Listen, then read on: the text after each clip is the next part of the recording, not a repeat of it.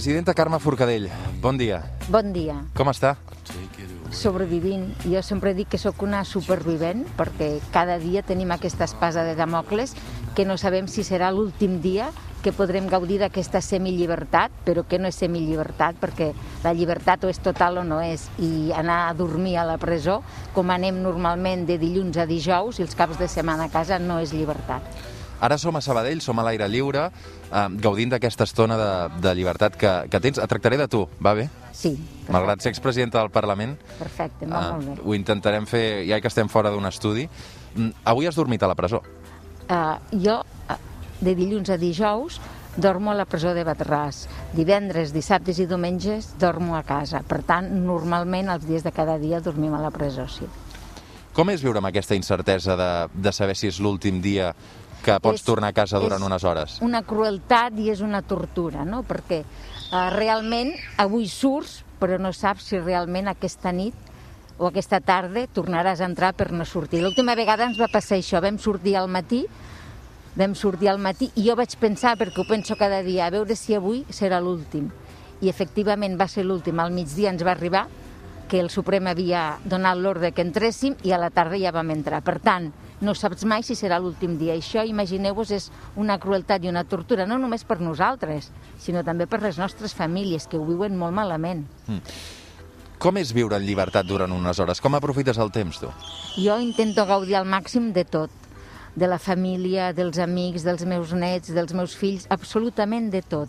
És um, un, un voler fer-ho tot que de vegades et neguiteja perquè dius no sé si, si ho aprofito tot, no? però t'adones realment de les coses que són importants. Crec que tens una mare que és bastant gran d'edat, Sí. no? Uh, Sí. Durant un temps de, que estaves complint condemna et van donar un permís per poder-la cuidar. Uh, has estat àvia també durant, durant aquest temps uh, i crec que et van donar només dues hores per poder conèixer el Sí, teu net. sí. Aquesta és la realitat, no?, de complir una condemna? Aquesta és la realitat, i en el cas de la meva mare, tot i que sí que es va publicar que jo l'havia anat a, a tenir cura, la meva mare no hi vaig anar perquè el jutge no em va deixar, és a dir, el jutge va dir... El, eh, això va passar quan estava a la presó de Mas d'Enric. Jo vaig demanar per anar a tenir cura de la meva mare. Als matins està a una ONG i a la tarda tenir cura de la meva mare, i el jutge va dir que no, perquè de la meva mare em podia tenir cura qualsevol altra persona. Per tant, no vaig poder fer-ho, tot i que era el meu desig. I sí, aquesta és la realitat. Després, quan va néixer el meu net, em van donar dues hores per, per, per veure'l, no? És a dir, que vaig trigar més d'arribar pràcticament de, de Mas Enric a Sabadell, que va néixer a Sabadell, i després tornar, que no pas les dues hores que vaig estar amb ell. Però aquesta és la realitat, no meva, sinó de totes les persones que estan en la mateixa situació, que estan a la presó. Per tots els qui compleix condemna, eh, cada situació eh, és evident que, que és molt diferent i, i tothom té eh, les seves circumstàncies, no? En el teu cas, crec que ara tens 66 anys, Cinc. 65 anys. Clar, són uns anys que la teva mare és gran, eh, tens nets que no tornaran, no? Això com es gestiona emocionalment, psicològicament? molt difícil. El que passa que jo crec que són anys que no tornaran per ningú. Eh? És a dir, els anys aquests que han passat, els, les coses que ens hem perdut, no tornaran. No? Jo, per exemple, recordo que uh, veia el meu net, el gran, el que ara té 3 anys i mig, quan començava a caminar. Quan jo vaig entrar a la presó ell tenia mesos, era molt petit, i llavors començava allò a gatejar. I un bon dia va arribar a la presó i ja caminava, no? I, o sigui, I després, quan va començar a parlar, quan va començar a dir iaia, quan tu vas perdre. Clar, tot això és molt dur. Després el petit va néixer, no vaig poder viure l'embaràs tampoc perquè vaig estar a la presó, i va néixer també i jo estant a la presó. Llavors totes aquestes coses eh, te les perds i són molt dures, no? Però també els passa als companys, és a dir, clar, l'Oriol Junqueras, el Josep Rull també s'han perdut el, el, el Cuixart també s'han perdut la infantesa dels seus fills i, i els seus fills no tornaran a tenir un any, dos anys, tres anys, quatre anys, no? I són uns anys preciosos, és a dir, jo crec que, que en, en tots els casos és molt dur. Amb el meu és molt dur perquè potser això que tu dius, no? Uh, M'he perdut a, a, a molta part de la, de, de la vida dels meus nets, també perquè la meva mare és molt gran i és quan més et necessita i t'agradaria poder estar amb ella, poder-la ajudar, poder tornar-li tot el que ella ha fet per tu i en aquests moments jo m'adono que no puc, no? i això evidentment eh, es viu molt malament, es viu molt malament. Una cosa és com ho portes tu individualment, que compleixes la condemna, i l'altra com ho porta la teva família i el teu entorn, no? També ha de ser molt difícil per ells. Efectivament. És que el fet d'estar a la presó eh, no només et castiga tu, castiga a la teva família i això és molt cruel. És a dir, a les nostres famílies els castiga tot. Jo de vegades sento, no?, quan es parla, per exemple, no sé, de que reformarà el, el, el Codi Penal, de l'amnistia, cada vegada que això se'n parla a la tele, els mitjans de comunicació, les nostres famílies ho viuen molt malament perquè es fan il·lusions. Eh? Se'ls obri una, una, una, una escletxa d'esperança i després van de decepció en decepció perquè s'ha parlat molt de tot però no s'ha fet encara res. I aleshores és una crueltat també per ells, no? perquè sempre vulgues que no s'agafen a un ferro roent.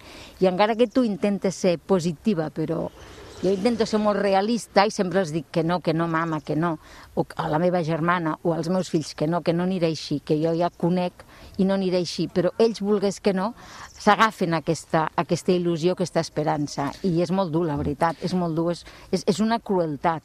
Després parlarem d'indults, eh, parlaré d'amnistia eh, i de reformes de delictes de la sedició, però abans m'agradaria explicar-te que jo fa un parell d'anys eh, vaig entrar a la presó de Batràs, crec que encara no hi eres, estaves complint condemna eh, en un alt, a Mas d'Enric, i vam gravar un reportatge sobre les dones que complien condemna en aquesta presó del Poble Nou a, acompanyades dels seus fills, dels seus nadons. No? Em, va, em va xocar moltíssim. Saps el que passa? Que Batràs és l'única presó de Catalunya que és única i exclusivament de dones. Les dones catalanes, quan ens condemnen a presó, estem la majoria en presós d'homes. Eh? En presós fetes i pensades per a homes. I nosaltres tenim un mòdul, una part, i ens hem d'adaptar. Però Batràs és l'única presó de Catalunya que és de dones, i això permet que hi hagi les mares fins als nadons, amb els seus nadons fins als 3 anys. I això fa que sigui més familiar. També és una presó molt petita, també és una presó molt vella, va ser construïda l'any 1915 i per tant sí que fa que aquesta presó tingui un aire aquest diferent, sobretot perquè la part on estan les mares i els nadons és la millor de la presó i em sembla correcte que així ho sigui, no? I sí que té un aire diferent, però és per això, perquè és l'única de Catalunya on única i exclusivament de dones. Mm. És diferent eh, complir condemna sent un home que sent una dona? per descomptat. Per què? Bé, perquè tots sabem que la, la societat és masclista, el masclisme és estructural, no és conjuntural, i per tant la presó també és masclista perquè és un reflex d'aquesta societat. I aleshores, com t'he explicat, com et deia, les presons de Catalunya són fetes i pensades per a homes. Llavors hi ha un mòdul de dones i tu trobes en presons que hi ha 500, 600, 700 homes i amb un mòdul de dones on hi ha 50 dones. I tot està pensat per a homes, des de les mesures de reinserció, des del tema laboral, des del gimnàs, des del lleure, i aleshores tu t'has d'adaptar i has de fer el possible per feminitzar aquell espai, l'espai on tu estàs, que és pensat per a homes. Aleshores, és molt dur, primera per això, és a dir, jo sempre dic, si les dones de tota la població reclusa aquí a Catalunya, malgrat que som més dones, com és només entre un 6 i un 7%, són dones. Malgrat això, en lloc de premiar-nos, resulta que no, que ens posen en presons d'homes, no? Jo sempre dic, en lloc de premiar-nos perquè delinquim menys, resulta que no, que estem en presons d'homes i encara se'ns castiga, no? Aquesta és la realitat.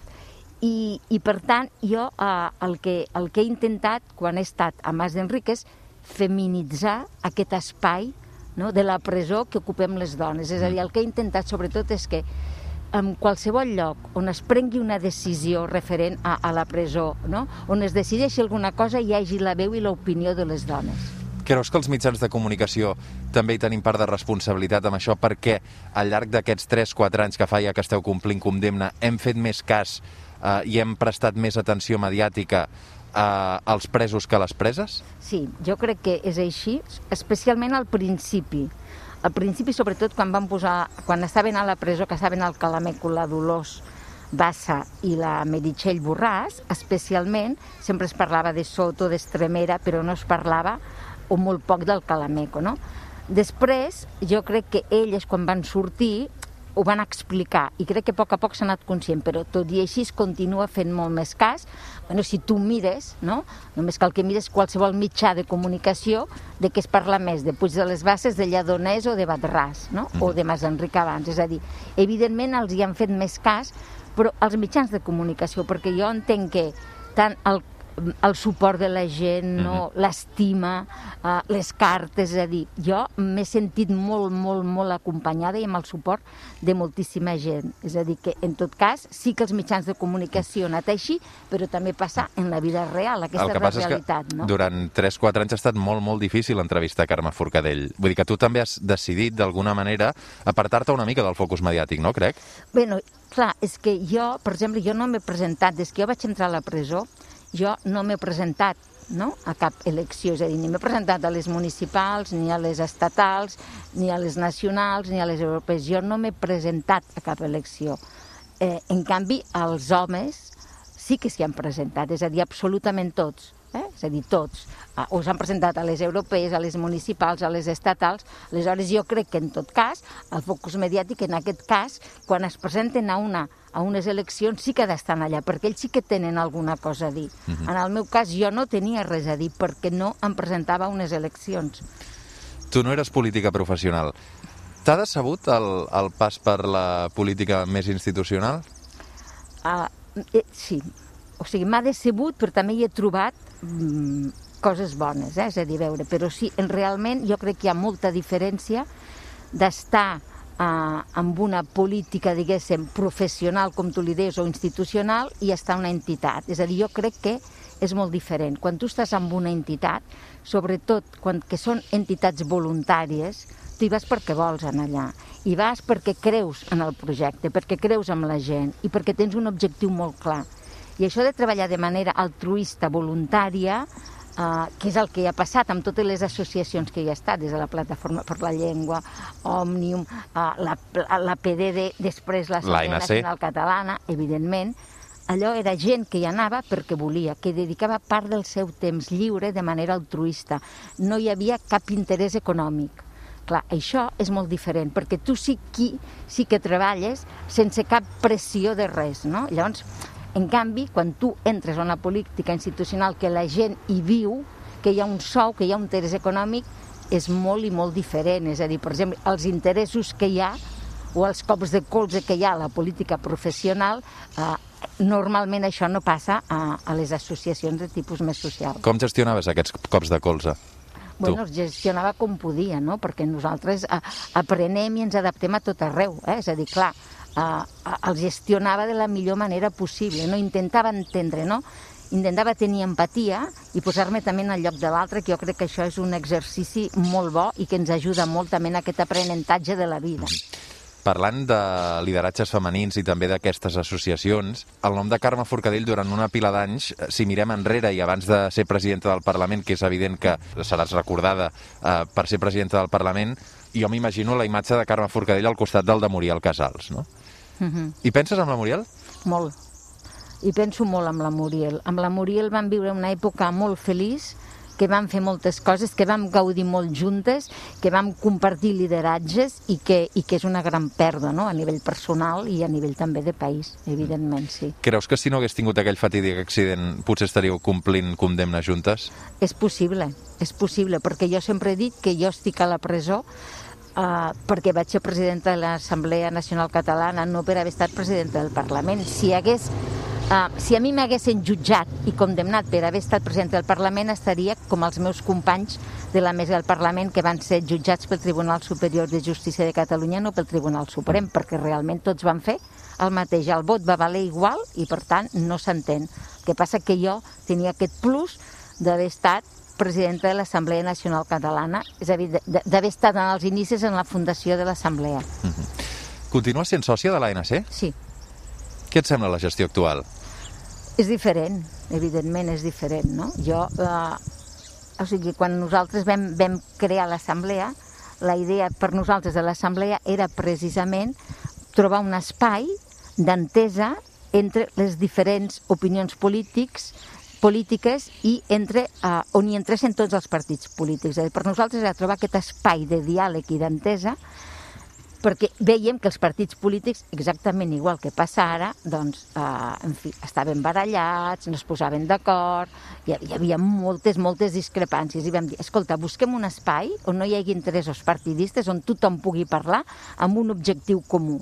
I, per tant, aquesta va ser l'espai d'entesa i de diàleg uh -huh. de l'Assemblea. I, evidentment, allà hi havia de tots els partits polítics, no? És a dir, hi havia des de bueno, Unió Democràtica, en aquell moment Convergència, Esquerra, hi havia Iniciativa, hi havia absolutament una, de tots els partits polítics. Una sí. força i condicionava l'agenda política d'una manera perquè, jo recordo Carme Forcadell un 11 de setembre cridant president posi les urnes i el president va posar les urnes.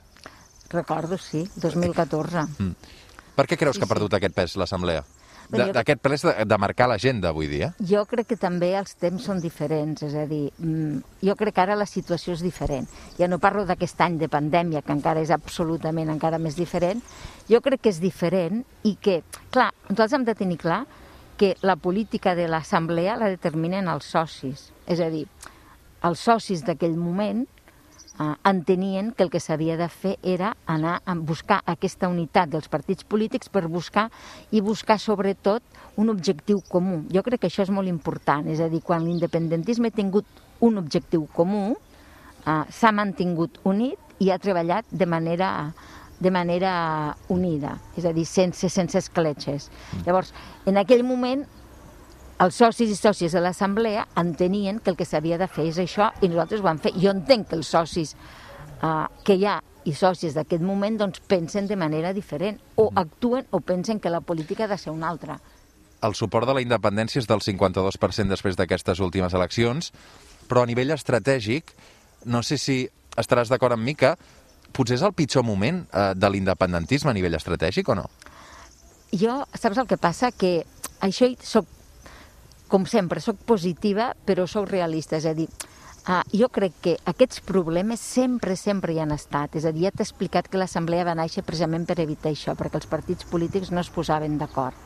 Aleshores, jo sí que crec que ara hi ha un moment, diguéssim, difícil, però també de la mateixa manera que t'he dit abans, que si som capaços de trobar un objectiu comú, uh, tornarem a estar exactament igual. És a dir, Quin és aquest el objectiu? de l'1 d'octubre, per exemple, sí. l'1 d'octubre va ser un objectiu comú i, I quin és ara l'objectiu comú? Un referèndum acordat? Jo crec que ara, pues, a, a, i ara hi ha una, una segona oportunitat de que els partits polítics ara es posin d'acord. Jo crec que ara es formarà govern, estic convençuda de que es formarà govern i estic convençuda que es trobarà una estratègia, es trobarà un objectiu comú que evidentment han de decidir ells. Però jo crec que ara eh, sabran aprofitar aquesta nova oportunitat perquè tots són molt conscients, no?, de que, de que s'ha obtingut, no? que s'ha passat del 50%, que és aquesta fita que tots ens havíem marcat i tots volíem, i per tant jo crec que aprofitaran aquesta oportunitat, n'estic convençuda. Mm. Abans de formar govern s'ha de constituir el Parlament, una mesa sí. que eh, Carme Forcadell va, va presidir. Si Pere Aragonès aspira a ocupar la Generalitat, és lògic que la presidència del Parlament ara correspongui a Junts per Catalunya? Bé, fins ara havia, estat, havia estat així amb els darrers anys, no? És a dir, però evidentment això és una cosa que està a, dins de les converses i que són els negociadors els qui ho han de decidir. És a dir, això és una cosa que jo eh, no m'hi poso perquè això forma part de les negociacions. Mhm. Jo l'únic que demano és que sigui una mesa eh, paritària, eh? és a dir, on hi hagi presència de dones que no passi com en la darrera mesa, que de les set persones que formen la mesa, sis eren homes i només hi havia una dona. Després, a meitat legislatura, ja se'n va incorporar una altra. Però jo el que sí que demano és que la mesa sigui paritària i el govern, evidentment, també. Quin consell donaries al proper president o presidenta de, del Parlament de Catalunya? Jo li donaria mm, el consell de que escolti. Jo crec que sigui empàtic, que escolti a la gent, no? que després a l'hora de prendre les decisions cregui el que ell, que faci el que ell eh, cregui que ha de fer, però abans que escolti tothom i evidentment el que li demanaria és que defensi la sobirania del Parlament, la llibertat d'expressió i el dret d'iniciativa de tots els diputats i diputades, que no permeti que la censura entri al Parlament, perquè si no deixaria de ser un Parlament, que la paraula al Parlament ha de ser lliure. Tinc quatre pensaments que menen constantment i no em deixen pensar. Són com quatre parets que em tenen enclaustrat dintre del meu cap. Vist amb la perspectiva de gairebé 4 anys, el que va venir després d'aquell 1 d'octubre, eh, la manera com es va gestionar el resultat de, del referèndum a Catalunya, el que va passar al Parlament... Et penedeixes d'alguna cosa? És que eh, en aquest moment jo vaig fer sempre el que creia que havia de fer, aleshores. Jo eh, vaig fer el que pensava que havia de fer i que pensava que era el millor en aquell moment per al país i defensant sempre la sobirania del Parlament. Per tant, no em puc penedir d'una cosa que penso que vaig fer que no podia fer altra cosa com a presidenta del Parlament, no? Mira, saps el que em penedeixo? De no hav- d'haver fet el, el judici eh, al Tribunal Suprem en català. D'això sí que em penedeixo. Per què va respondre en castellà? Bueno, perquè vam pensar, uh, ho, ho vam, uh, perquè havia de ser traducció, és a dir, no, no traducció simultània, sinó tu parlaves i després una altra persona explicava, no? I com que en aquell moment el que volíem era que ens entenguessin, vam prioritzar, no? que van dir, home, si és traducció simultània, vam dir, clar, tots vam demanar traducció simultània, ens, ens la van dir que no, que seria una persona, però clar, vas pensar, aquesta persona igual no traduirà el que tu has dit, hauràs de rectificar, serà un no acaba. Llavors vam dir, molt bé, facilitem la, la, la, vull dir, facilitem la comprensió, perquè jo sóc partidària sempre de que com més llengües millor. És a dir, jo, vull dir, no, no estic en contra de cap llengua, al contrari, com més llengües millor, però clar, el català és la nostra, no? He vist com va anar, no va servir de res. Per tant, això sí que em penedeixo. I de no haver marxat a l'exili? Perquè suposo que estava damunt la taula, perquè crec que... No sé si vas entrar a la presó el mateix dia que Marta Rovira va marxar, crec. O va sí, coincidir sí, molt. l'endemà, l'endemà, sí. Bueno, ella va marxar aquell any i nosaltres vam marxar a Madrid i ella a l'exili. Uh, saps el que passa? Que jo no vaig tenir temps de plantejar-m'ho. És a dir, perquè quan, quan no vaig tenir temps, va, va anar tot tan ràpid que no vaig tenir ni temps de plantejar-m'ho. Eh? Ara, clar, ja t'he dit, no em penedeixo de res. No, no em penedeixo, eh? és a dir, possiblement si m'ho hagués tingut temps de plantejar-me'n, tampoc me n'hauria anat. Ara, no t'ho puc dir perquè, saps, de vegades et diuen que hauries fet sí, però és que aquestes condicions sí no hi són mai. I per tant no et puc dir el que hauria fet. Ara, jo no em penedeixo uh, de no haver-ne anat i segurament si hagués tingut l'oportunitat tampoc me n'hauria anat. Comptes els dies que portes de condemna i els que et queden? Sí, sí, sí, sí. Bueno, jo tinc 4.195 dies de condena i abans ja t'he dit que, que em portava 1.074. Hi ha qui diu eh, que us vol revocar aquest tercer grau, que fins i tot eh, això que està passant aquests dies eh, no hauria de computar com a condemna. Què els contestes? Mm, qui ho diu, això? El Crec- Suprem, Sí, el Tribunal deu ser l'únic, Sí. eh, no n'esperem res de bo. És a dir, evidentment, si, fes, si fos per ells, jo hauria de complir els 4.195 dies tancada i sense sortir. És a dir, no, no, no, no hi ha en, tercer grau, sense sortir ni, ni en segon grau. Clar, evidentment, evidentment ho pensen perquè si cada vegada que estem en tercer grau ens el revoquen és perquè pensen que no hauríem de sortir. L'independentisme parla molt d'amnistia, que és una cosa que el govern espanyol eh, no en vol sentir ni parlar. En canvi, dels indults i de la reforma de la sedició sembla castellà, però no acaba d'executar-se res. Carme Forcadell confia en els indults? A veure, jo, eh, la meva opció és l'amnistia, perquè jo entenc que l'amnistia és el reconeixement del conflicte entre Catalunya i Espanya i demostra una veritable voluntat de solucionar-lo. És a dir, l'amnistia seria realment el que començaria ja a solucionar aquest conflicte. I, a més a més, l'amnistia inclouria els gairebé 3.000 represaliats que precisament, bueno, sabeu que estan jutjant a la, a, als síndics uh, i a les síndiques del, de l'1 d'octubre, avui, no? Pues això, la la amnistia inclouria absolutament a totes les persones. Però eh, entenem, també sóc realista i, i, i- i l'aritmètica parlamentària és la que és. No? Llavors, respecte a les altres dues opcions, evidentment són pedassos. Tant l'indult com la reforma del Codi Penal són pedassos. Aleshores, no sé, és a dir, quan ho vegi em pronunciaré i en parlaré, perquè fins ara han parlat i han parlat molt, però realment no s'ha fet res. Tens la sensació que Pedro Sánchez controla la Fiscalia? Jo tinc la sensació de que no la controla la Fiscalia. Tinc la sensació de que realment no la controla. Tinc la sensació de que una cosa és el govern d'Espanya i l'altra cosa és l'Estat. I per tant, jo crec que la Fiscalia pertany a allò que diríem l'estat profund, més bé que no pas al govern espanyol, malgrat que el Pedro Sánchez va dir que la controlava, però si la controla, eh, mm, la controla molt malament. Per tant, tinc els meus dubtes.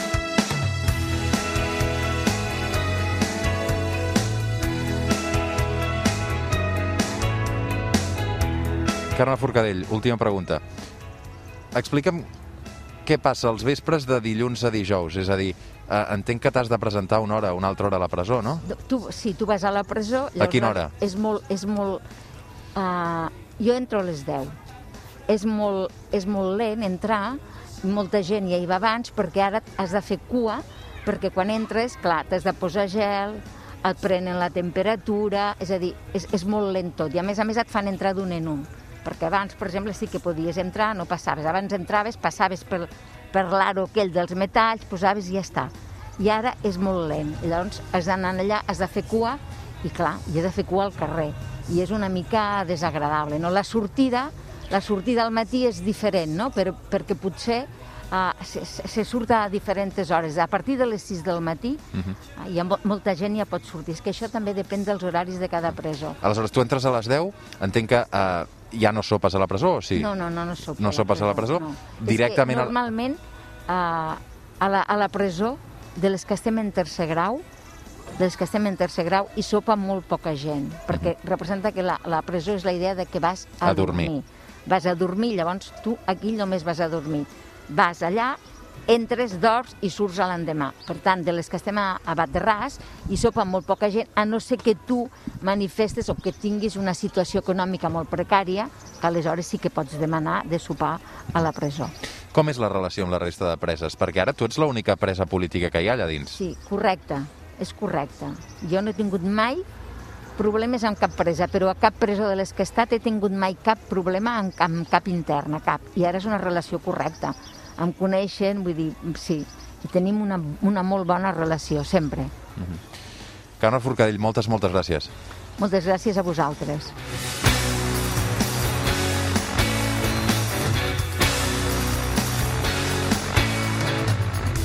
Catalunya Ràdio. El suplement. Roger Escapa.